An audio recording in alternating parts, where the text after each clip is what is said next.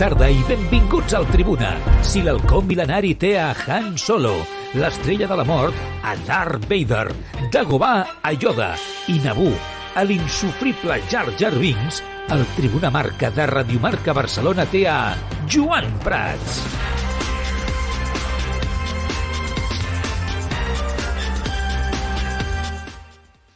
Què tal, com esteu? Molt bona tarda. Benvinguts un dia més al Tribuna Marca. Luis Enrique explica públicament la situació d'Ansu Fati i per què encara no ha jugat ni un minut en el que portem de Mundial. Fati fue el último jugador en entrar en la lista, sin ninguna duda. De hecho, en la penúltima no vino. Eh, traje ocho delanteros. Eh, es evidente que, que no. Quizás fue la posición en la que más eh, dudas eh, me planteó si traer a, a Ansu o traer a otro compañero. Pero tengo que decir que estoy encantado con lo que estoy viendo en los entrenamientos. Pero hay mucha competencia. Tengo ocho delanteros que vuelan, pero literalmente los puedo ver entrenar. Y este dato de siete jugadores que todavía no han participado, para mí es una auténtica pena.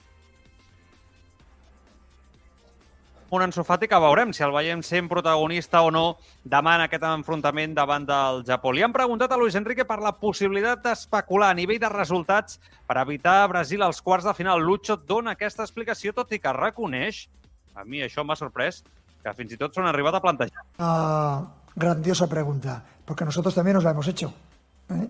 y hemos reflexionado. Pero ahora, eh, desde el punto de vista de un profesional, le explicaría al aficionado o a vosotros periodistas, tú imagínate que nosotros vamos a especular, venga, que nos interesa pasar de segundos. Llegamos al minuto 90 y llega el descuento en los dos partidos con el mismo resultado, 0-0-0-0. ¿Eh? Seguimos siendo primeros, que bien va todo. Y en el 95, 15 segundos antes de acabar, marca gol Japón y marca gol Costa Rica. ¿Eh? Has especulado 95 minutos para quedar eliminado en los últimos 15 segundos. O al revés, está ganando Alemania 5-0 su partido y nosotros especulando con el empate que nos vale. Y marca gol Japón. Volvemos a quedar eliminados. Y porque cuando tú estás convencido de que tu equipo es un muy buen equipo y que queremos jugar siete partidos, no se trata de quedar segundos. Nosotros queremos quedar primeros. Primeros. Eso significa jugar en octavos contra el que sea, contra el segundo del grupo eh, G, ¿no? Nosotros somos el E. El F, perdón. Exacto. Contra el segundo del grupo F. Perfecto. Y en cuartos que nos toca el del H, ¿no? O el del que sea.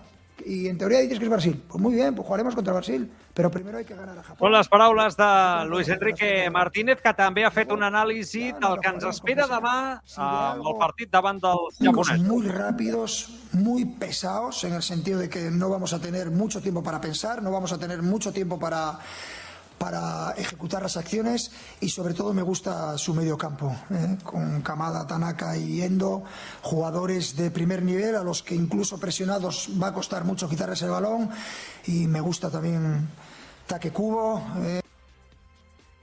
Què tal, com esteu? Benvinguts al Tribuna Marca. De seguida saludo al Carlos Rojas i al Marc Truco. Escoltarem molt de Luis Enrique avui, no només a la roda de premsa, també moments del tuit d'ahir, que va estar força interessant. Avui ha parlat Eric Garcia aquí a Radio Marca.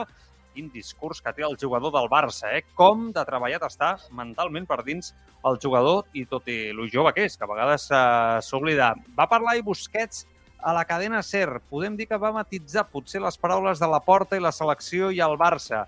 Eh, Pochettino ens ha deixat algun titular interessant a les últimes hores sobre Pedri. També ho analitzarem. Però la notícia del dia en clau Barça, ara en parlarem, en aquesta hora de ràdio, en que el Barça ha decidit comunicar, ha fet un comunicat, on explica que no assistirà a la propera assemblea de la Lliga a Dubai. Conflicte obert entre Barça i la Lliga per aquesta nova normativa del fair play que deixa pràcticament el Barça en una situació molt, molt, molt complicada ja no a, a fitxar al mercat d'hivern, no, no, sinó de cara a poder fitxar a cap jugador en el mercat d'estiu, donada la seva situació. Tebas ens ha canviat les regles i el Barça protesta. Hi ha molt mal rotllo el Barça ara mateix amb Tebas i la Lliga. Creuen que sempre s'inventa una norma per perjudicar el propi club. Vaja, que no és res nou. I aquesta informació del Confidencial, que també ho hem de tractar avui, que estan acusant el fill de Joan Laporta de comissionar el fitxatge de, Marco, de Marcos Alonso, temes importants, alguns d'ells no tan agradables. Anem a saludar el Marc Truco i el Carlos Rojas, que estan per aquí ja. Bona tarda, nois, com esteu? Què tal? Bona tarda. Hola, bona tarda, què tal, com esteu? Bé, bé, bé, jo molt bé. bé. Estupendo. No, no, que, que al final... Escolta, jo estic en, en, en el procés de creació del programa i moltes vegades el Joan, quan s'asseu a l'ordinador, diu, ui, a veure, avui, que, que de què parlarem? Que no... Al final, escolta, sempre queda un programa replet de coses, d'informacions, de mal de caps, de... Coses no tan lleig, no tan maques i més lletges, com dius tu. Algunes. I de futbol, de molt futbol. Bueno, Gràcies, Luis Enrique. Aquí, per ser crítics i, i per analitzar l'actualitat. Bueno, nois, a veure, per on podem començar? Eh, per parlar de la selecció espanyola, estem en directe, eh, a través de Ràdio Marca Barcelona, ja sabeu que ens podeu escoltar, radiomarcabarcelona.com, l'aplicació, el podcast que teniu al Tribuna Barça, que és el grup de Telegram. Saludem a tothom a través del Twitch, twitch.tv barra el Tribuna. Estem en directe, ens podeu veure i podeu participar a través del xat també de Twitch i també els ullets de YouTube. Que veig el Prosiquito, el Juanito Guapito, el Tugromi, l'Airbag, eh, tots els eh, nicks que van apareixent i van saludant, les persones que van saludant al xat de Twitch, twitch.tv barra el Tribuna. Eh, Bueno, pel que acabem d'escoltar sobre Ansu, que, que ho hem escoltat al primer tall a l'inici del programa, em dóna la sensació que, que Luis Enrique va cridar Ansu... Potser, mira, ho diré diferent. Crec que ens vam equivocar en la valoració que vam fer nosaltres de per què Luis Enrique cridava Ansu Fati. O sigui, a mesura que el vaig escoltant en rodes de premsa, nosaltres vam dir, no, perquè mira, se l'emporta per aquest talent especial, diferencial que té Ansu Fati, no, com a futbolista, i al final doncs, arriba justet, però l'ha volgut posar perquè creu no, que és un jugador diferencial i li donarà molt protagonisme. Després d'escoltar el que acabem d'escoltar, eh, i una mica més, no, perquè no ho hem escoltat, però s'ha allargat no, la resposta que deia Luis Enrique avui en la roda de premsa, que, que va ser l'últim jugador que va decidir de la llista, que va dubtar fins a l'últim segon si incorporar-lo, no? i que bueno, té moltíssima competència. I jo, després d'escoltar-lo avui, i és una resposta que jo crec que va en la línia ja d'algunes respostes que ha donat en les rodes de premsa d'aquest Mundial, em sembla que en Sofati, per molt que jo cregui que serà protagonista tard o d'hora, sobretot en un moment on Espanya necessiti aquesta espurna de creativitat, d'ingeni no? que té en Sofati, de talent pur, que potser mm, de determinació potser no tenen altres jugadors, em sembla, em puc equivocar, nois, que dins del cap de Luis Enrique l'última de la última de la última opció és en Sofati. I crec que ens vam equivocar. Totalment. Jo començo a pensar que ens vam equivocar. Jo estic sí, bueno, Perdona, Carlos. No, no, que home, recordem que Luis Enrique ja va tenir alguna roda de premsa on se li va preguntar per Ansu Fati i, i, i, no, i, no, i vam estar parlant d'aquelles declaracions que consideràvem que no ajudaven massa al, al jugador, no? perquè posaven en dubte l'estat del jugador eh, tant a nivell físic com a nivell mental. No? Eh, per tant, igual que ens va sorprendre quan finalment va entrar en la convocatòria, és a dir, una cosa del desig que podíem tenir eh, eh, no? com, a, com a culers, com a aficionats i seguidors del Barça, de que en Sofati formés part de la, de la selecció. Però va ser, com diu ella, l'últim moment. Vam estar parlant justament dels dubtes o no, no? de la seguretat o inseguretat que podia tenir Luis Enrique a l'hora de convocar a uns o altres jugadors. Jo crec que avui ho ha respost més clar, eh, impossible, no? Ho ha dit clarament. Eh, estic d'acord amb l'anàlisi que has fet, pel que hem vist Sembla en el tall aquest. Eh? A, a mi, mira... Pregunta, em, et sembla just? O sigui, bueno, és una gran pregunta, em, sembla, no? em sembla just. Jo és que ara mateix estic confiant molt en Luis Enrique. Ja, ja. És que està I en si un gran Luis... moment com a entrenador, eh, Luis Enrique. I si Luis Enrique diu el que diu... Mmm, a veure, eh, tots... Eh, sí, sí, vull dir, tots venim fixant-nos des del Barça en en Sofati i desitjant que despegui, que esclati, eh, que superi, no? Els... És que res, perquè aquesta convocatòria semblava que anava a ser, eh, no?, eh, una espurna on el Barça després podria recollir molt, no?, després d'aquest Mundial, perquè en Sofati... Sí, ja, ja, però recordem que hem, hem tingut dubtes amb en Sofati, eh, el Barça. Ja, però vull dir que si no acaba el Mundial i no juga ni un minut, que ja veurem, però jo no descartaria. Ja. que jo demano que sigui, que, ja, ja. jo demano que jugui, eh? I, crec, i crec que hauria de fer un, un moment determinat. Clar, eh, veurem com li afecta al nano, que ja ha d'estar molt content perquè està en un Mundial, sobretot perquè ve d'una situació molt complicada, però sabem que és un jugador que estava reclamant protagonisme a Can mm. Barça, no? I que estava tocat en lo anímic perquè creia que estava fent mèrits per jugar més del que ho estava fent I si passa el Mundial i tampoc és protagonista i, i bueno, jo què sé, que pugui passar en un Mundial, no? que no, no volem tampoc especular amb el que pugui fer Espanya en aquest sentit, però no sé, eh, a veure com li afecten en aquest sentit, ¿no? Yo estoy seguro que, que Ansu Fati es un jugador que evidentemente es del agrado de Luis Enrique, básicamente porque creo que en otras circunstancias otro jugador no lo hubiera Todos yo. son del agrado de Luis Enrique. Exacto, ¿no? no, porque es decir que cualquier otro jugador prácticamente, los que están en la lista incluso te diría, en las circunstancias en las que ha estado Ansu Fati en el último año y medio, no habrían ido convocados con España. Creo que Ansu Fati es un jugador que realmente en su momento, cuando llega Luis Enrique a la selección, cuando empieza a explotar allá por 2019-2020, Ansu Fati, yo creo que él, Lucho, dice, voy a construir mi selección en torno a esta figura, ¿no? En torno a esta estrella. Estoy seguro que lo ha llegado a pensar eso Luis Enrique. Ahora, decir que ahora mismo el pensamiento de Luis Enrique es algo similar a eso, pues yo creo que sería mentir. Escuchando lo que ha dicho Luis Enrique, eh, me queda claro que Ansu Fati es un jugador interesante, un jugador que, que sigue viéndolo como, ¿no? como una posible estrella, pero ahora mismo es mucho más cauto ¿no? en cuanto a, a lo que es su progresión y en cuanto a lo que es a la aportación que puede, puede dar. A mí, sinceramente, yo lo he dicho muchas veces, esta temporada, los minutos que ha jugado, me ha dado la sensación de que si se le da minutos, ¿no? se le dan partidos, puede llegar al- a un buen nivel, no sé si al nivel pre-lesión, pero un gran nivel.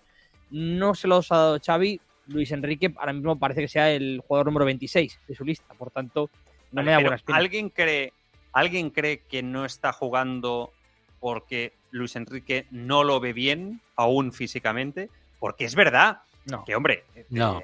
ya se ha dicho desde su no entorno, el propio padre ha dicho que Ansu ya está bien, que está bien, que está bien. Ya bueno, pero él no lo ve cada día entrenando, ¿eh? O sea, lo ve ahora entrenando, no cada día en el Barça. ¿Vale? Entonces, Xavi es evidente que no lo está poniendo porque no lo acaba de ver con ese punto de chispa que sí que tenía antes Ansu Fati. Y ahora va la selección y, aunque todos reconocemos generalmente, ¿no? Que es seguramente el delantero más talentoso de la selección, si el padre dice, no, que ya está bien Ansu, que, tiene ritmo, que puede jugar de titular, que, que no pasa nada, y todo el mundo de su entorno dice que ya está bien, pero sigue sin jugar. Quiero decir, hay mucha gente que, yo no, no soy yo quien lo dice tam- tampoco, ¿eh? porque no lo sé, pero hay mucha gente estos días que está opinando en redes, en programas, en radio, tele, etcétera, que dice, ostras, que quizá Luis Enrique ve que le falta un puntito, ¿no? O ya ha dicho, está entrenando fantástico, vale, pero ¿qué iba a decir también, no? Luis Enrique Ah, claro. de prensa. No, Però no, no, ho ha dit, eh? claro, ¿no? O sea, es un poco lo que decíamos Ya, con pero Xavi, no. Que decíamos, si no, juega, igual es porque no le gusta Xavi. ¿no? No, Pues, igual Carlos, Luis Enrique. Si no juega ya, ya lo está viendo, como dice Joan en los entrenos, y no le pone, pues igual Es es eso. no se lo ha ganado. Nosotros no vemos los gusta, entrenos. no Creo gusta. que se nos escapa al- alguna cosa, es eso. però és que ho ha dit, Luis Enrique ho ha dit. És que no està, Eh, li falta. Diu, és que tinc uns davanters que corren que se la pelen. Que van per davant, que són molt més ràpids. Si ho està dient. que té molta competència. Bueno, pues, pues, és que pues és això. Per, bueno, per Luis Enrique, Ansu Fati, per molt eh, bo que sigui tècnicament, fa un any, el que ell necessita no està per davant dels altres. fa un any, ningú pensaria, ningú, eh? Crec, eh, generalment en l'entorn del futbol, que eh, els davanters d'Espanya són millors que Ansu Fati. O sigui, que Morata, que Sarabia, que Marco Asensio, que Nico Williams i que Ferran Torres són millors jugadors que Ansu Fati. Estem d'acord en això o no? Exacto. És a dir, que en condicions normals ningú pensaria això fa un any. Per tant, per què ara Ansu Fati està per darrere? Perquè o sigui, que aquests són molt bons i que generaven competència, això ja ho, ja ho sabíem fa un any. Fa un any aquests ja generaven competència. Ara les circumstàncies han canviat. Això han pasado hem de por la derecha, sí, sí. Por la derecha. Claro, es que, es es que no la- está bien. Es la realidad. Al final, eh, pues ya sea por velocidad, por definición, por confianza, lo que queráis, pero, pero no, ahora mismo están por delante en, en- en la jerarquía. Eh, y yo creo que el ejemplo, ayer lo hablamos Joan y yo, y es verdad que había esa duda, ¿no? De que quizá a lo mejor se lo está guardando como carta, ¿no? Un diferenciar en un partido. Yo ahora escuchando lo que, lo que tú has dicho, Joan, lo que, escuchando Claro, lo que es dice Luis eso. Enrique, ya me da la sensación de que está por detrás de Nico Williams. Ya no es que vaya con un rol diferente sí. al de Nico Williams. Está por detrás. Y si quiere estar por delante, igual que Nico Williams estuvo muy mal el otro día ante Alemania, pues el día que se le den cinco minutos, si es que se le dan en el Mundial, los tiene que hacer. que estar excelso, sí, sí, sí. Eh. Sí, sí. Bueno, bueno, de les altres respostes que, que ha donat, bueno, jo crec que estem tots d'acord, no?, en el que s'ha d'anar a buscar el primer lloc, sense especular, per intentar evitar Brasil, quarts, deixem-ho estar, no ens compliquem, que Espanya ja, ja coneix d'especulacions vàries al llarg de la seva història, li ha fet mal en Eurocopes i, i Mundials. M'ha cridat l'atenció una resposta que ha donat sobre l'exigència física dels davanters, eh, en aquest cas de la, de la selecció, Luis Enrique, que m'ha agradat, eh? Perquè diu que no poden aguantar els 90, els 90 minuts i que ell és conscient i que prepara els partits ja amb aquesta, Hemos comentado con los jugadores pues, varias veces. Algún jugador de los 26 se quedará sin jugar. Lo siento, señores, pero eh, ya sabemos todos eh, cómo funciona esto. Y en ese sentido tengo que decir que, que, estamos plenamente convencidos de que los jugadores que salen en la segunda parte son determinantes. De hecho, son momentos en los que otros muchos equipos se desorientan y empiezan a hacer cosas diferentes. Nosotros que tenemos el objetivo de jugar siempre igual, es básico y además es hasta una estrategia que tenemos de aprovechar claramente la frescura y el desgaste que han hecho los jugadores los primeros 45 o 60 minutos. Aquest no era el tall, no era aquest. Havia, el tall anava i explicava això, però bueno, complementa una mica el que, el que hem dit. Portem una ratxa, Carlos, de talls horrible, eh? O sigui, portem una ratxeta de les quals, sí, sí. eh? Eh, sort que Espanya sí que està bé. Eh, millor que nosaltres amb els talls, últimament. si no, estaríem tots ja, ja preocupats, ja, escoltant en aquest, en aquest sentit de Luis Enrique. Però... Bueno, però s'ha entès, s'ha entès una miqueta el que deies, no? Sí, però jo, jo crec que és un entrenador que, que ens fa veure coses diferents en el món del futbol. I a mi m'agrada perquè eh, sempre tendim a pensar que els titulars són els importants generalment i que els jugadors de banqueta poden revolucionar un partit, però que el titular, no, el que té protagonisme des de l'inici, crec que els propis jugadors volen jugar de titulars habitualment. No? Crec que els propis futbolistes són, són els que volen, no? Si, si estan, tenen un rol de revolució des de la banqueta, lluiten per sortir d'inici. I Luis Enrique, al seu cap, crec que funciona diferent, Marc. O sigui, em sembla que és un entrenador que, i ell valora igual un rol que un altre, una altra cosa és el jugador, i, i això m'agrada perquè ens fa veure després un altre punt de vista, no? Ell espera, l'altre dia va ser Morata, que va sortir des de la, la segona meitat i, i, bueno, i ho va fer bé, va marcar.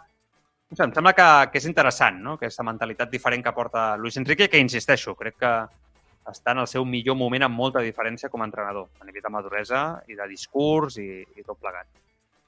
Sí, no, a mi eh, eh m'agrada eh, que els entrenadors i que Luis Enrique parli, parli de futbol, expliqui, ho faci en roda de premsa, ho faci en un stream eh, amb els seguidors i amb els fans. A mi m'ha sorprès per una miqueta eh, ara escoltant-lo que sigui tan clar a l'hora de, de parlar i plantejar i explicar una estratègia com aquesta, no? la d'apostar eh, per tenir un equip en els que quan hi ha una substitució, no? o es planteja una substitució a la segona part, és per dir una miqueta, no? És, doncs, eh, començo de zero, no? amb jugadors igual de potents que els que he posat en l'11 titular, però que estan frescos com una rosa. No? Llavors estic, puc jugar els, no? tots els 90 minuts eh, amb la mateixa intensitat, igual no? que, que ho he fet al principi del, del partit. bueno, eh, està bé, està bé. Em sorprèn que sigui tan clar explicant-ho de cara al rival, vull dir, eh? Però, I, està bé. I ara, ara vas, Carlos. I revoluciona també una mica el tema de les concentracions. Sempre s'havia dit que les concentracions futbolístiques eren molt hermètiques. Eren, no?, mm. els jugadors, en aquest sentit, els mundials, a l'Eurocopa, tots tancats, concentrats, no?, per això sí. de concentració, concentrat, etc. Trenca també aquesta línia, Luis Enrique vol naturalitat, sobretot. Vol que els seus jugadors estiguin tranquils i al màxim de normals possibles, tenint en compte estan en unes circumstàncies fora del que és habitual perquè estan lluit de casa en un Mundial. Digo que les marqué a los jugadores el primer día que nos vimos en Las Rozas, en esta concentración, hace ya 16 días, señores, aquí se trata de disfrutar, porque si uno disfruta en todo lo que hace, acaba haciendo mejor su trabajo. Ese es el objetivo que nos marcamos al empezar la concentración. Me gusta mucho y para esta concentración o para este mundial nos hemos puesto una frase que hemos copiado del US Open, eh, que es la de la presión es un privilegio, porque lo entendemos así, porque eh, tener presión significa que representamos a un país, significa que somos los elegidos en el planeta fútbol en España para representarnos o para representar a todo el país. Y, y si lo tomas así es como algo muy positivo, muy bonito y que tiene alguna connotación negativa porque es lógica, pero eh, nosotros intentamos buscar siempre el lado positivo. Y en ese sentido esa frase refleja muy mucho lo que, lo que busca esta selecció. Els jugadors, per exemple, estan veient a les seves parelles i a les seves famílies. No? Una concentració Mundial era un fet atípic. De fet, sempre la notícia, periodísticament parlant, era com ho passen els jugadors sense les seves famílies, una de les preguntes típiques no? en totes les concentracions. Mm. I ara veuen a les seves parelles, Jo crec que el el propi dia seleccionador- lliure, les famílies... Em sembla fantàstic l'evolució en aquest sentit que proposa Luis Enrique, que no és la norma de les altres seleccions al Mundial, eh? És un fet molt puntual d'Espanya. Carlos, què decías? No, que digo que además el propio, el propio seleccionador es un ejemplo de ello, ¿no? Que un antes, en mundiales anteriores que se habían prohibido las redes sociales, ¿no? Los teléfonos móviles y demás. Ahora mismo está el seleccionador hablando de lo que ha cenado, ¿no? De los huevos cada día en, en su streaming de Twitch, ¿no? Al final, Seis huevos, el cuatro el psicólogo. es que... Sí, exacto. No, claro. Es que, es que yo fíjate, yo fíjate, yo, yo creo que, que a Luis Enrique, que puede tener un día a lo mejor que, mira, no se ha entrenado tan bien o que no le sale, lo- como todos tenemos un mal día, ¿no? Nuestro, nuestro, en este caso es extraordinario porque es un mundial. Llegar y conectar el Twitch, hablar una hora y media, una hora con, con la gente, yo creo que se ríe, se olvida los problemas y seguro que se va a dormir porque son dos horas más tarde, ¿no? Seguro que se va a dormir mucho menos tenso. Y eso ayuda también a, ¿no? a, la convivencia, porque seguramente si no hiciera Twitch, Luis Enrique estaría en su cuarto dándole una vuelta lo último que ha pensado. es que si juego con, con dos delanteros, que si pongo a Dani Olmo, no, porque he visto a Ansu Fati. No sé si me explico, ¿no? Y yo creo que ya le viene bien esto, ¿no? Y seguramente también a los futbolistas, no nos engañemos, tener al entorno cercano, tener un amigo, la pareja, la familia cerca, no es bueno a lo mejor que estén todo el día con ellos, pero un rato, ¿no? Una horita, dos, y- o horita y media, dos, para desconectar en- de tanta presión y de tantos días, que es, sí, en el mejor de los casos es un mes, pues yo creo que es maravilloso. Es una gran noticia. Y y me parece moderna la- el enfoque de, de Luis Enrique Sí. y, y efectivo. Òbviament, ens hem de preguntar, això pot arribar a distreure més, menys... O sigui, jo estic d'acord eh, amb el que diu, però és que a vegades la, hi ha gent que sense, amb certa llibertat, no, truco, eh, això, en segons quins processos de, de grup, es desvia, no? No necessita aquesta norma, aquesta concentració. No ho sé, eh? jo crec que generalment va bé, però per fer d'advocat del diable, per mirar l'altra cara de la moneda, perquè, home, si es porta fent des de fa tants anys, alguna cosa bona tindrà, i encara ho fan moltes seleccions, algunes d'elles que arribaran segur a semifinals i finals del Mundial, alguna cosa tindrà de bo, no? També l'altre estil de, de concentració. Bueno, home, evidentment, el tema d'estar concentrat a l'hora d'afrontar un repte, eh, sigui el que sigui, més intel·lectual o més físic, eh, té els seus motius, és per, és per alguna cosa. Eh, després, ja sabeu que moltes vegades hem de parlar de l'equip no estava, l'equip s'ha enfós, l'equip ha perdut la confiança, l'equip ha tirat la tovallola... Val, doncs, justament l'estar concentrat no? i estar com a equip treballant abans del partit, eh, moltes vegades serveix també per això. Eh, tot i així, si a Luis Enrique li està funcionant, potser, és que ara, quan estava veient aquest últim tall, m'ha vingut una imatge, i és que amb ell el veig molt, molt tranquil. Com a mínim és el que, el, el que m'arriba. És com si, com hagués fet una evolució no? de, de supercarrer i està com per un nivell per, en sobre, per sobre i el veig molt més tranquil, parlant amb la premsa, explicant, parlant de lo seu. Clar, si ell ha estat capaç de traslladar a tot l'equip de la selecció eh, una responsabilitat d'equip col·lectiva on tots són importants, no? on tots van a passar-s'ho bé a disfrutar i on, si tu no ets responsable, estàs faltant que això és, és una cosa bàsica no? del treball en equip, estàs faltant el, el respecte a tots els teus companys i el projecte en comú, i això tothom ho entén, doncs és potser més fàcil poder tractar amb normalitat el dia a dia, no? I que no faci falta eh, doncs portar una mica com a, com a joves descarriats eh, amb les neurones exaltades, no? els jugadors tancats no?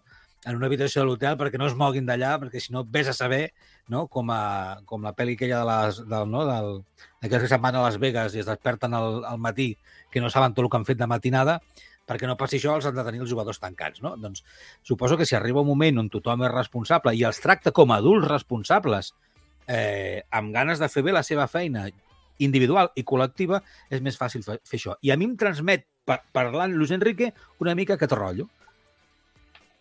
Tot això. Sí, sí. Totalment, tens tota la raó. De fet, és que té aquest punt, no? Bueno, després tornarem a escoltar Luis Enrique, que va fer ahir un Twitch molt, molt interessant eh, i hi han respostes, crec que molt xules i que mereixen ser recuperades, però anem a escoltar també Eric Garcia, que va parlar o ha parlat avui a, a Radio Marca, una entrevista molt interessant també, la que se li ha fet, la que li ha fet el Raül Varela avui a, a Radio Marca. Un Eric Garcia molt més madur, demostrant ja que té una fusta de lideratge important, que té discurs, que està treballat nivell de coco, no? que és a vegades els futbolistes el que trobem en falta. No? I, I és veritat que és una dinàmica que estem veient en aquesta selecció, especialment en el grup que ha conformat eh, Luis Enrique, de forma generalitzada. I no és fàcil, eh? perquè si aquest discurs te l'emportes o el vas a buscar en altres seleccions, no el trobarem. No el trobarem en aquest nivell. I, en canvi, Espanya té jugadors, insisteixo, en discurs, eh, eh, treballats en la crítica, en l'autoanàlisi, no? en què han fet malament, en, en suportar la pressió. I crec que no és casualitat que Luis Enrique, allò que es diu, no? que Luis Enrique no s'emporta els jugadors que millor estat de forma tenen en aquell moment, sinó que s'emporta els jugadors que ell creu que poden fer i connectar millor futbolísticament en el seu sistema i també a nivell de grup, no? per la idea, per com els hi funciona el cap, no? per com estan treballats a nivell de personalitat, intel·ligència emocional. Això va molt més enllà i m'agrada que sigui diferent. Al final has de conformar un grup, no? que, que si ja, ja de, de per si no connecta, després, per molt bons que siguin, no connectaran tampoc al terreny, al terreny de joc. Bueno, em callo jo Eric eh, Garcia, eh, a Radio Marca. Li pregunta a Raúl Varela si la premsa ha estat molt cabrona. Obviamente, siempre te llega alguna cosa. Las críticas que, que van a hacerte daño, bueno, yo siempre intento pensar, usted, a la otra persona que está diciendo esto, si le hicieran estas críticas, ya como humano, ¿cómo te sentarían? Pues al final estamos en una situación que estamos muy expuestos y creo que por ser futbolistas a veces mmm, dicen, bueno, como son futbolistas pues no pasará nada. Pero bueno, al final eh, entiendo que forman parte de mi trabajo y yo estoy muy tranquilo con ello. Eh, doy mi 100% en el campo, eh, creo que eso nadie lo puede reprochar. Algunos días, días te saldrá mejor, otros días te saldrá peor, pero eh, yo creo que, que todo llega. Per dir un percentatge, truco, Carlos, que el 90% de les persones no suportarien l'exposició mediàtica i de crítica d'un futbolista. Té tota la raó del món. I està molt bé que ho digui i ho recordi.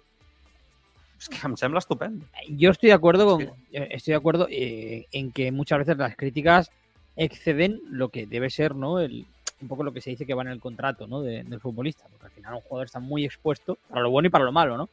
Y es verdad que hay veces que en el caso de Eric García, además, ¿no? Han sido críticas ya muy duras, ¿no? Con, con personales, más Duras allá del, e injustas del- muchas veces. Bueno, ya, pero al final hay, hay veces que las críticas que cuando ya exceden ¿no? el terreno profesional, ya da igual que sean injustas o justas, ¿no? Son cosas que no pertocan, ¿no? Y con Eric García... no, no, pero es que aparte, que futbolísticamente, también han sido injustas, Carlos, a veces. O sea, A veces, se ha pero otras olvidado veces el no perfil tanto, de ¿eh? futbolista que... Ya, pero es que él se puede equivocar, Defendiendo, etcétera tal, pero es un perfil que no engaña a nadie futbolísticamente. El seleccionador lo lleva por el tipo de perfil de central que es. Y yo soy el primero que ha dicho, debe mejorar sin balón, en defensa, etcétera, pero, joder, permeteu la expresión, Luis Enrique lo lleva porque le pide eso, la salida de balón, etcétera, etcétera. Entonces, hay la crítica de decir, oye, no, es que Eric García, por encima de la salida de balón y las características que él tiene como jugador, lo que tiene que hacer es defender bien el marcaje. No, hombre, no, no me jodas. No, que això, aquest tema m'enerva, perquè és, pero que no habéis entendido nada. O sea, que es que precisamente mm, entiendo lo que decís, pero es que si se lo lleva es porque, igual que si juega en el Barça, es porque es un tipo de central muy característico para jugar en el juego de posición. Entonces, si lo que esperas es que defienda como Araujo, ¿no? Eh, sin balón y que te saque el balón, en este caso como Eric García, claro, es el, defensa perfecto. Han habido pocos así a lo largo de la historia del fútbol. Ahí es donde creo que yo ha habido crueldad, porque es gente que entiende perfectamente de fútbol, que lo sabe y aún así Eric García muerte. Y hay que matarlo. Y ahí yo creo que es- esa crítica ha sido muy fea. Y gente que entiende perfectamente. Y ha sido es. No, hay que ir a por él. ¿Por qué? Bueno, porque el estilo de juego que practica España es el del Barça, o está basado en el Fútbol Club Barcelona y no me gusta. Porque Eric García además es del Barcelona. Y Pero no te preocupes que si fuera este de otro pasado muchos de esos no, no, no lo habrían criticado de esa manera. Pero en Ba- en Barcelona también ha habido ese debate, ¿eh, Joan? Es decir, en el Barça hay mucha gente No, que... de la misma que- manera. Bueno, no de la misma manera, pero por, por un motivo diferente. Porque la selección, Eric García, cuando estaba siendo criticado, ¿no? Había debate con él en el Barcelona, el seleccionador lo estaba llevando, ¿no? Que a mí me parece bien que Luis Enrique, insisto, tenga esa personalidad, pero claro, la gente no entendía que no era. Es decir, que había jugadores centrales en España que estaban en un mejor momento de forma que, que Yo creo que estamos. el delante- con el delantero, Claro, con claro, el estamos de acuerdo, estamos de acuerdo. A Luis Yo creo- le pasa con todas las Pero, por ejemplo, a Luis Enrique no le ha pasado con otros jugadores del Barça. Es decir, no le ha pasado con Pedro y con Gaby.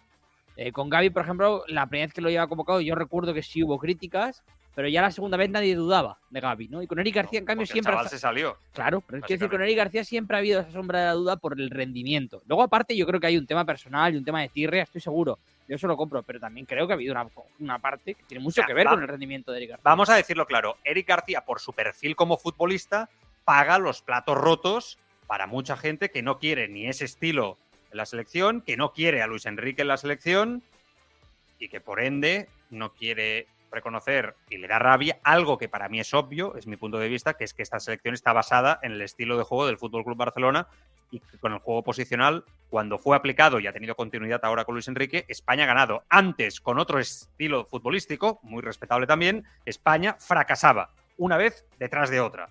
Y eso es innegable porque ahí están los resultados, ¿no?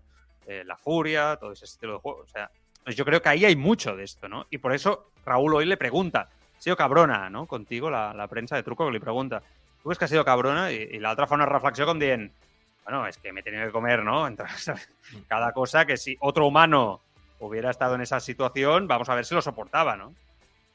Bueno, jo, jo diverses coses. Estic d'acord amb tu, amb que la crítica que es fa moltes vegades eh, a professionals eh, que arriben a la selecció eh, per part d'una part de l'afició de la premsa, mm, bueno, doncs aquesta crítica va molt, va molt més enllà de l'opinió que es pugui tenir esportiva, de l'encaix o no d'aquell professional.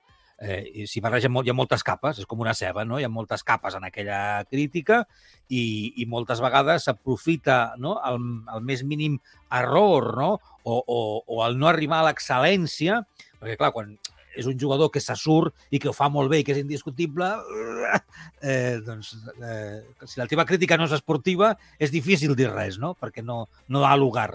Però quan hi ha alguna cosa que potser no acaba de rotllar, com passa amb la majoria dels casos, no? perquè ju- jugadors excelsos, excelsos, excelsos, que no puguin ser criticables, doncs, doncs no n'hi ha, no? fins i tot el propi, el propi Messi haurà, no? ha tingut moments en els que ha pogut ser criticable. Partidari de la crítica. Ah, la clar, nostra clar. feina és criticar, però la nostra feina també és criticar eh, el, mas, el màxim noble possible. M'entens què vull dir-te? Vull dir, Sí, sí, sí. sí, la sí, màxima noblesa possible, sí, amb sí, valoracions sí, sí. futbolístiques parlant i no amb interessos ni campanyes ocultes darrere, no? Exacte. Eh, aleshores estic d'acord amb tu amb això i, i després també amb el que deies, que jo crec que val, val la pena dir-ho, eh, dues coses ràpides. Primer, amb com Luis Enrique convoca o decideix jugar amb uns jugadors i no amb uns altres, que és una mica un dels focus de debat de totes aquestes crítiques, i jo crec, pel que tu deies abans, no torno a repetir, que està molt clar per on pren les decisions o com pren les decisions eh, Luis Enrique, i no és només amb aquell jugador que per aquella posició amb millor rendiment eh, o amb millor estat físic està, no és ben bé això, no, es, no s'emporta tolles, però no és ben bé això, i és indiscutible, hi ha altres coses, i com deies tu, jo estic totalment d'acord, una de les coses jo crec que és la intel·ligència emocional, és que escoltar eh, a un jugador que tranquil·lament, després del que ha rebut, que encara que vagi amb el sou, hem dit moltes vegades, ha de ser super difícil eh, per tots nosaltres i per tothom portar-ho, eh, entengui que entra una mica... I està bé la reflexió que fa, eh? jo crec que va bé per, per nosaltres i per qualsevol que ens estigui mirant que mm, sigui periodista o no sigui periodista i deixi missatges a les xarxes socials. No? Vull dir que l'opinar i estar en contra de eh, d'un- d'una idea política o una idea de joc o, o, o poder dir que un jugador ho ha fet malament eh, doncs moltes vegades no és el mateix ja eh, enfonsar la persona i deixar-lo d'inútil o de miserable o del que sigui, no? perquè són persones també. Dit això, Que... dit això, Eric Garcia és un futbolista que ha de millorar coses. Crec, crec, crec que això és, és obvi. Clar. Eh, I, dit això també, jo us faig una pregunta que us llenço a l'aire. Si Eric Garcia jugués amb un altre tipus d'entrenador que no fos Luis Enrique a Espanya, i, o Xavi, també, no? Perquè potser Xavi sí que els hi deixa, no? Com dèiem, fotre una pilotada més en l'aire, oi? En algun moment determinat. Eh, per no... davant de la pressió, sí que és una mica més flexible en aquest sentit. Luis Enrique és la pilota surt jugada des del darrere encara que tingueu a quatre alemanys a sobre. I Unai Simón pateixi amb això. Vull dir, segurament a Eric Garcia no se li veurien tant les costures. Dir, Eric Garcia fa el que se li demana i prou que fa en aquest sentit. Vull dir que hi ha moltes vedades eh, que se li ha dit o moltes jugades que, on ha estat criticat és també perquè se li demana un punt molt específic que és un futbol que brilla en l'excel·lència i que té un risc precisament en aguantar la possessió i en la construcció de les jugades al darrere. I això hem de ser conscients. I ahí lo dejo.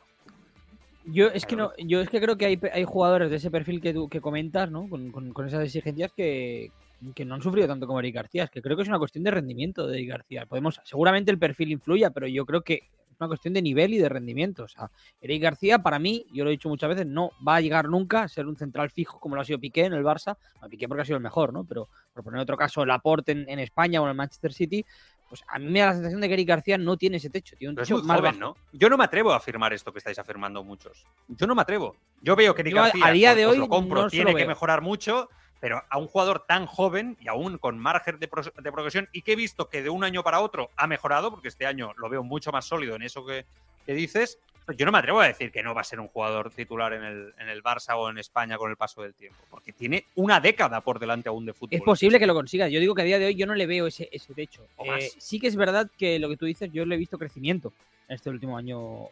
Porque bueno, además el año pasado Pero- él sufrió mucho, ¿no? Yo no sé si por una cuestión no física cuenta. o, o de. Le veis de- o de crecimiento, pero, pero ya no sabe, ¿no? Ya no, No, no, yo le he visto ya- que ha crecido, pero. cerráis la puerta que pero pueda no le veo el techo, a- no le veo, no le veo ese techo, eso es donde voy. Yo, vi- yo creo que ha mejorado porque eso es indiscutible, Sí, sí, ok. pero no se lo veo el techo ahora mismo. Ok, pues ja veurem, eh, Eric Garcia, que de veritat que és un, un jugador que... Eh, no recordo res igual, eh? Si genera un debat eh, increïble no? entorn a la, seva, a la seva figura. I hem preguntat per Vinícius, per aquests eh, roces que van tenir en el Clàssic, No, brasileño. yo ya le dije que estaba cerca de conseguirlo. O sea, me parece un jugador muy bueno. Eh, obviamente quedó como un lance de partido. A mí, a mí lo, lo que más, eh, entre comillas, me dio rabia es que, por ejemplo, en el partido del Bernabéu, el último, él también se vio que vino a decirme algo, las cámaras se vieron y no salió. Porque, no, eso son cosas que se quedan en el campo, no, no voy a decir nada. Pero bueno, el decir, bueno, ahora por, qué- por qué, no, por qué esto no lo habéis sacado? ¿Por, por qué no ha interesado sacarlo? ¿No? Es- repito, son cosas que se quedan en el partido, no tengo absolutamente ningún problema con Vinicius, creo que es un grandísimo jugador, lo está demostrando y ya está. Que totalment d'acord estic jo. És que estic tu com... Perquè ell, quan vacila a Vinícius, eh, en aquell moment el vacila, vale, ok, és una vacilada, poso les dues mans al foc de que Vinícius l'ha vacilat, perquè estem parlant d'un jugador que té Hombre. un problema. Hombre, Claro. O sea, vacila a todo el mundo. O sea, tiene, el fútbol español tiene un problema con Vinicius. Creo que lo estamos viendo todos, ¿no? O la mayoría. O sea, estoy seguro que algo había ahí. Y me parece muy bien que Eric García diga, oye, pues el otro di- en el otro partido él me vaciló a mí y no, no salió. Pues lo reivindica. Pues estoy de acuerdo. ¿Qué quieres que te diga? Eh, eso a veces es simplemente porque la cámara lo, lo capta o no lo capta o que, o que el compañero lo monta. No tiene nada más allá, ¿no? Pero es casualidad, digamos, ¿no? O fruto del trabajo también periodístico del momento. Pero pues me parece muy bien que lo diga. ¿No lo oís? No sé. Son estupendo. Yo además es que creo que son. Yo recuerdo cuando salió aquello de, de aquellas palabras, ¿no? Para por contextualizar, que le decía lo de tú el año que viene, ¿no? Balón de oro. Le decía. de- de- de- a modo de risa, porque era el momento en el que Vinicius no metió un gol arco iris, básicamente. Le decía, le decía eso Eric García. Yo creo que estoy seguro, vamos, hay que decir, tampoco me parece nada grave cuando lo, lo leí. O sea, es algo que se dice. Y yo creo que bastante like, ¿no? Porque dicen cosas mucho peores. Yo he visto cosas de Sergio Ramos y Diego Costa que no creía que vería en un campo de fútbol, ¿no? Pegándose prácticamente y, y- y con todo, ¿no? Eh, y al final, bueno, son, creo que son frases, lo ha dicho muy bien Eric García, cosas que se quedan en el terreno de juego que muchas veces ni se piensan, simplemente se dicen en caliente y ya está.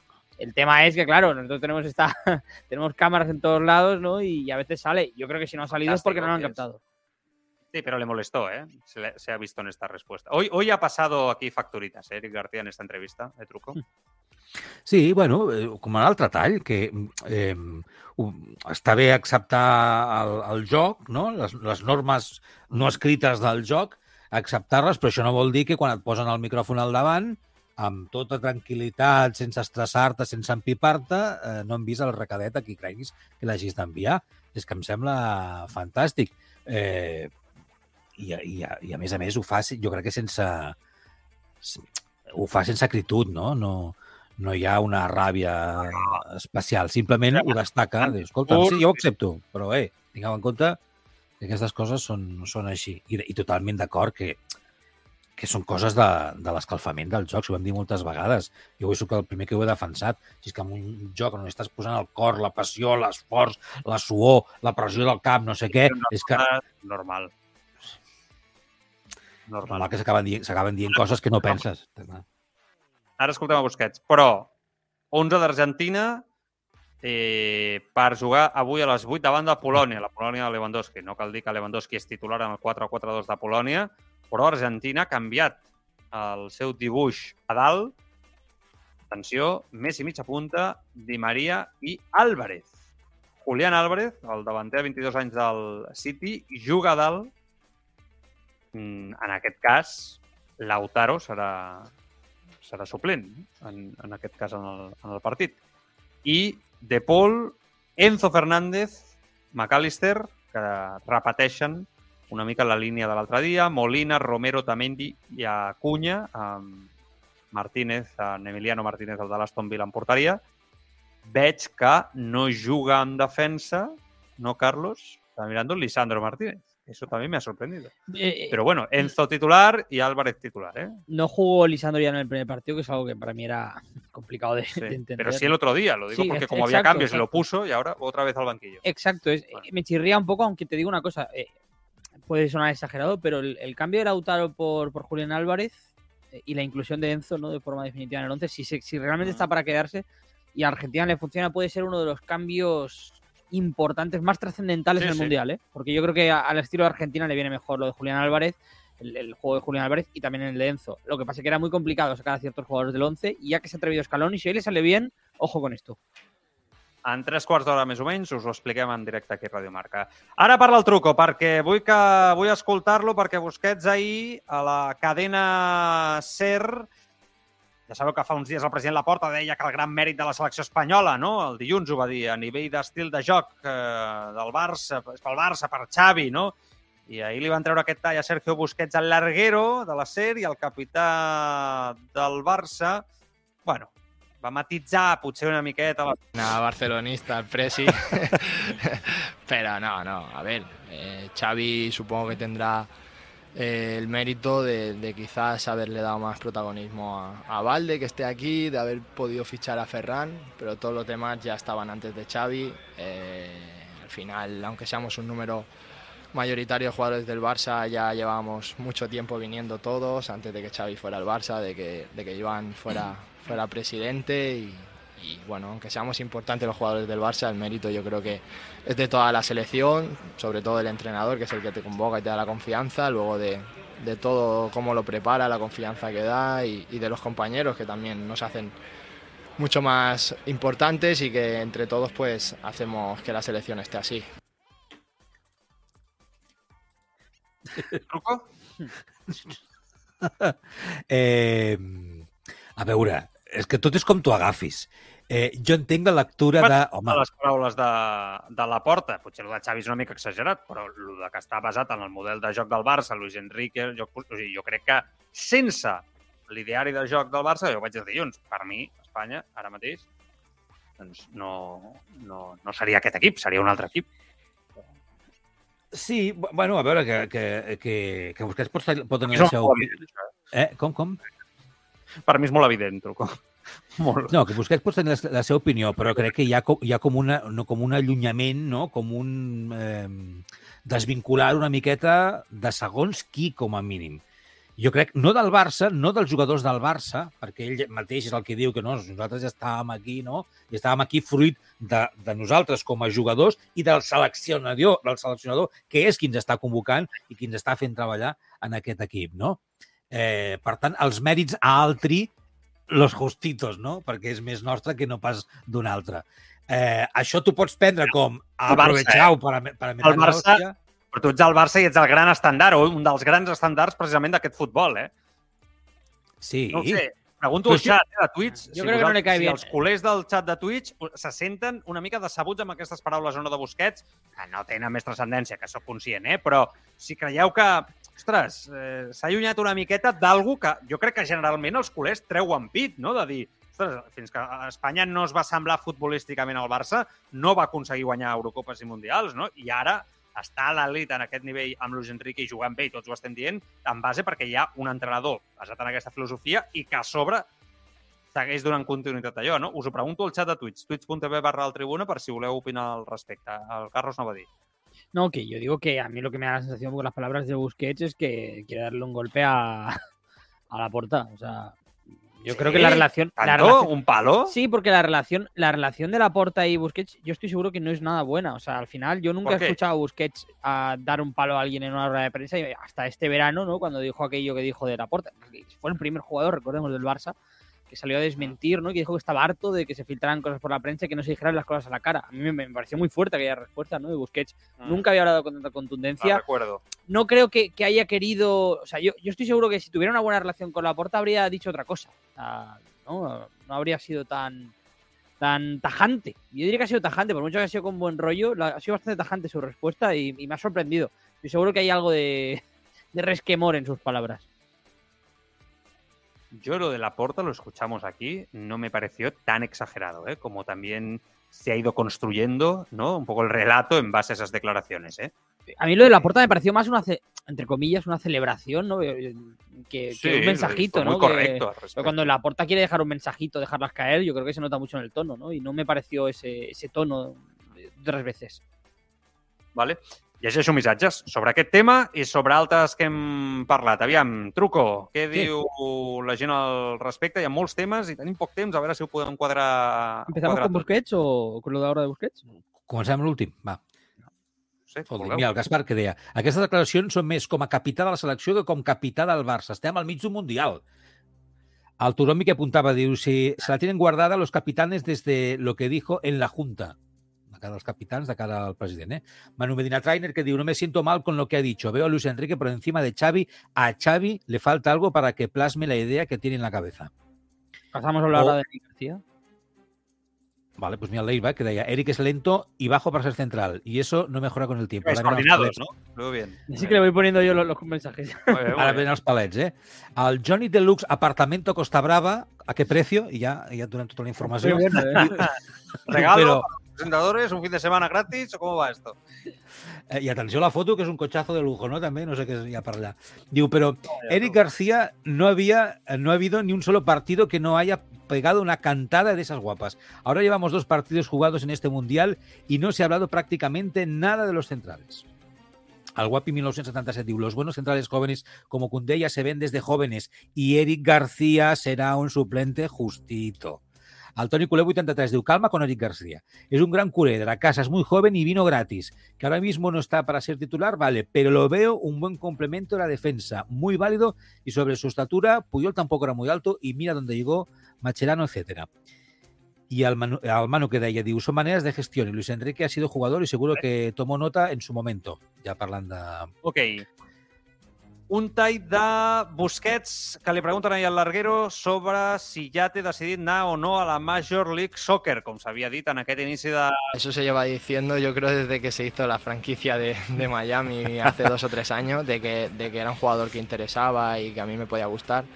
Yo siempre he dicho que, que me gusta Estados Unidos como ciudad, que, que es una liga atractiva y que no descartaba nada, y sobre todo Miami, que es una buena ciudad.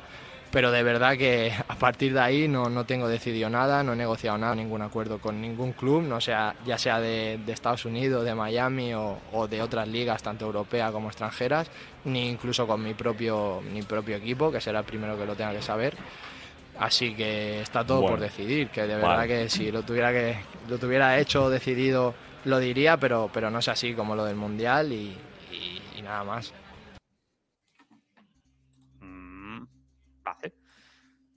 Pero entonces yo me pregunto, porque hay tantas, eh, tantos medios desde, desde diferentes fuentes que van en una línea muy diferente, ¿eh? pero bueno, es la sensación que me queda.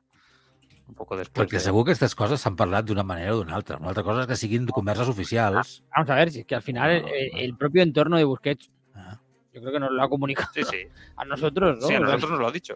es que al final o sea, es una cosa que, que alimenta su propio entorno. Yo lo que creo cuando habla Busquets es que no, quiere, pues evidentemente, enseñar sus cartas aún y es totalmente respetable. Cuando lo quiera comunicar, lo comunicará y ahora a 30 de noviembre, medio mundial, pues a lo mejor piensa que no es el momento.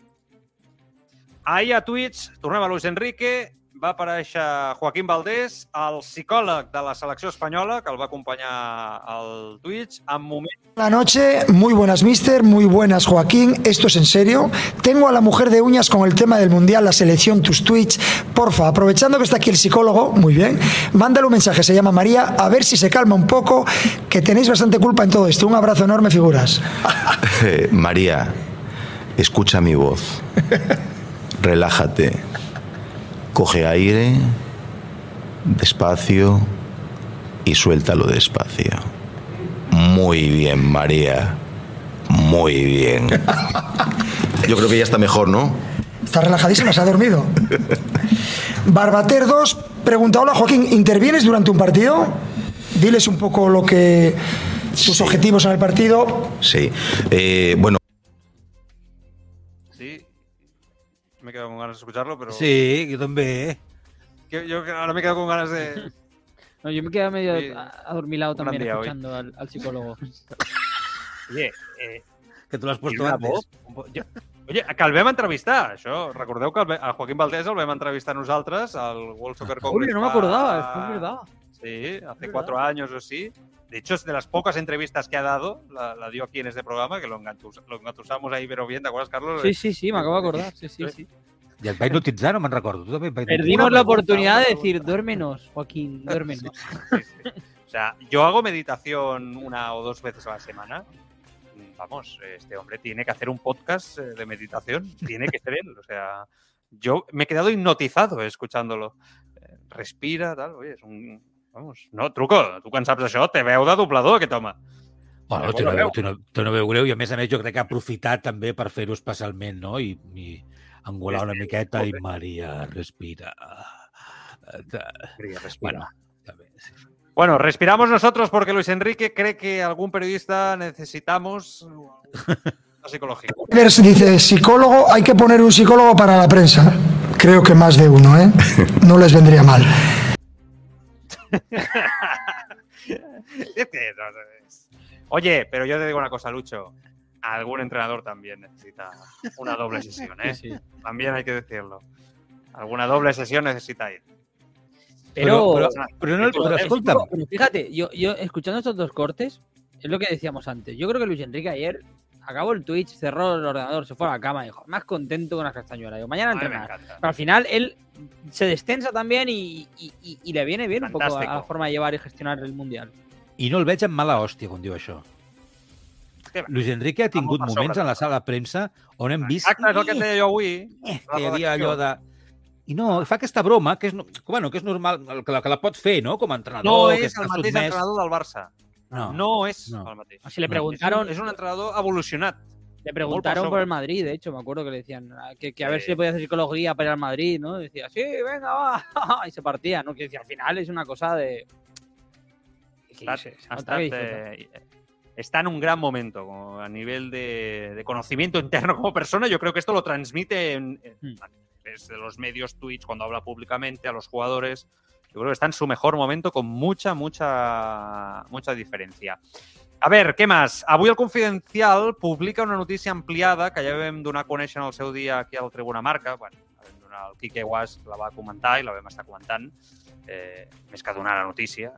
Eh, la firma d'intermediació del, dels, de jugadors del fill de, de Joan Laporta, el conegut com a Guim Laporta, Top Eleven Football, diu el Confidencial que va participar de forma activa en el fitxatge de Marcos Alonso eh, al Barça. Però que expliquen que qui dona la cara és Raúl Verdú, però el mitjà afirma que el fill de la porta, associat també amb el fill del vicepresident esportiu Rafa Juste, participen fent d'intermediaris en, en els fitxatges. És una notícia trista i que al principi me recordo quan la va dir el Quique que, bueno, semblava, era un moment, ara potser això ja és diferent una mica, però era un moment on semblava que no es podia criticar o dir res sobre el Barça, no? I, i si això s'acaba confirmant, que no, nosaltres, això va ser una informació del Quique en el seu dia i el Confidencial doncs, ho treu basant-se a les seves fonts, és, és molt trist. I això, jo en el seu dia ja vaig dir, quan ho va dir el Quique, que la Porta i el club havia de donar explicacions immediates sobre, sobre això, perquè el que està clar és que hi ha un conflicte d'interessos president del Barça no pot tenir un fill que comissiona o que eh, té una empresa on és soci i que aquesta empresa treballa amb el Barça. Mm, si això es confirma, és tan greu fins a un nivell de que pot arribar a obrir una crisi majúscula. Estem d'acord o no, nois, en, en el club? Truco primer, Carlos després. Bueno, les crisis majúscules no sé què dir-te ja, perquè No, no, estem en un, crec, estem en un país... crec que hauria de passar en un lloc normal i una societat normal. Ah, cosa Vale, és que val. Aleshores sí. eh, Aleshores sí. no, tot funcioni com funciona. Eh, Però, home, aleshores si sí. Porta, si això és cert, no pot tenir un fill, interme és intermediari en fitxatges, no pot, no, no es pot. O sigui, no, no, o sigui, és que és una qüestió de lògica. Una qüestió de lògica, pura. Si, si això és cert, i, i si no és cert, el que ha de fer el Barça és ja comunicat dient la informació del confidencial, perquè no es pot posar en dubte és l'honor d'un president amb el seu fill comissionant fitxatges que decideix el president. És que, és que hi ha un conflicte d'interessos enorme. Per tant, és molt, molt perillós. No, no, és que no afegiré gaire cosa més perquè és el que has dit tu. I ja en el seu moment ja en vam estar parlant d'això. Ja va sortir a la premsa i ja, i ja es va dir que, evidentment, eh, només faltaria, té el dret de dedicar-se al que li doni la gana, sempre i quan no intercedeixi no? o no sigui gràcies a que no, el seu pare està en el càrrec en el que està i, per tant, està fent un negoci, eh, digue-li per nepotisme o digue-li com vulguis, no? Eh, però, finalment, segons les informacions que apareixen, sembla que ha estat així, que, evidentment, eh, s'ha aprofitat de la presidència del seu pare per formar part, no? per comissionar i formar part en els negocis de les ventes i fitxatges del, del club amb jugadors. Però, obro un parèntesi i el tanco ràpid. A mi aquestes coses no m'estranyen, perquè estic convençudíssim que en aquesta junta i en d'altres anteriors i en altres clubs, la junta directiva i els seus familiars fan negoci amb el club. És una merda, però és així. I el mateix amb els partits polítics i les administracions públiques. És així. El Barça, ara això, com dius tu, si no és veritat, si no és veritat, el Barça ha de sortir i dir no és veritat i carallar-se i denunciar i fer el que sigui. En el moment que el club calla i no diu res, tot això, doncs Otorga. de alguna manera. ¿no? Porque quien calla otorga, ¿no? Y, y- y yo estoy seguro que esta, esta información, si fuera falsa, lo digo porque lo hemos visto en el Barça y lo hemos visto en clubes como el Madrid, ¿no? En los que a veces Florentino a la mínima, ¿no? Que ha habido cierta especulación, ha salido un comunicado del Madrid, no de Florentino, ¿eh? recordemos.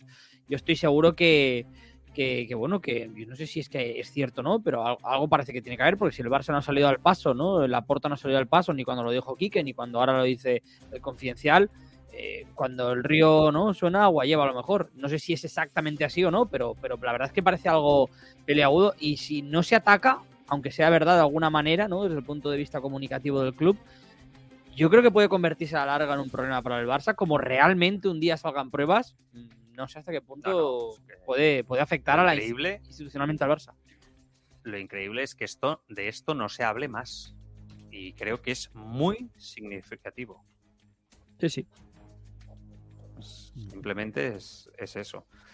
Eh, Barça i Madrid planten a la Lliga, no aniran a l'assemblea que s'ha de celebrar a Dubai el 7 de desembre. Comunicat dels dos, especifiquen que en aquesta assemblea es planteja tractar assumptes molt rellevants relatius a la modificació dels estatuts i al reglament general de la Lliga que requereixen un major debat previ i una anàlisi més extensa i participativa que faciliti els màxim, el màxim consens.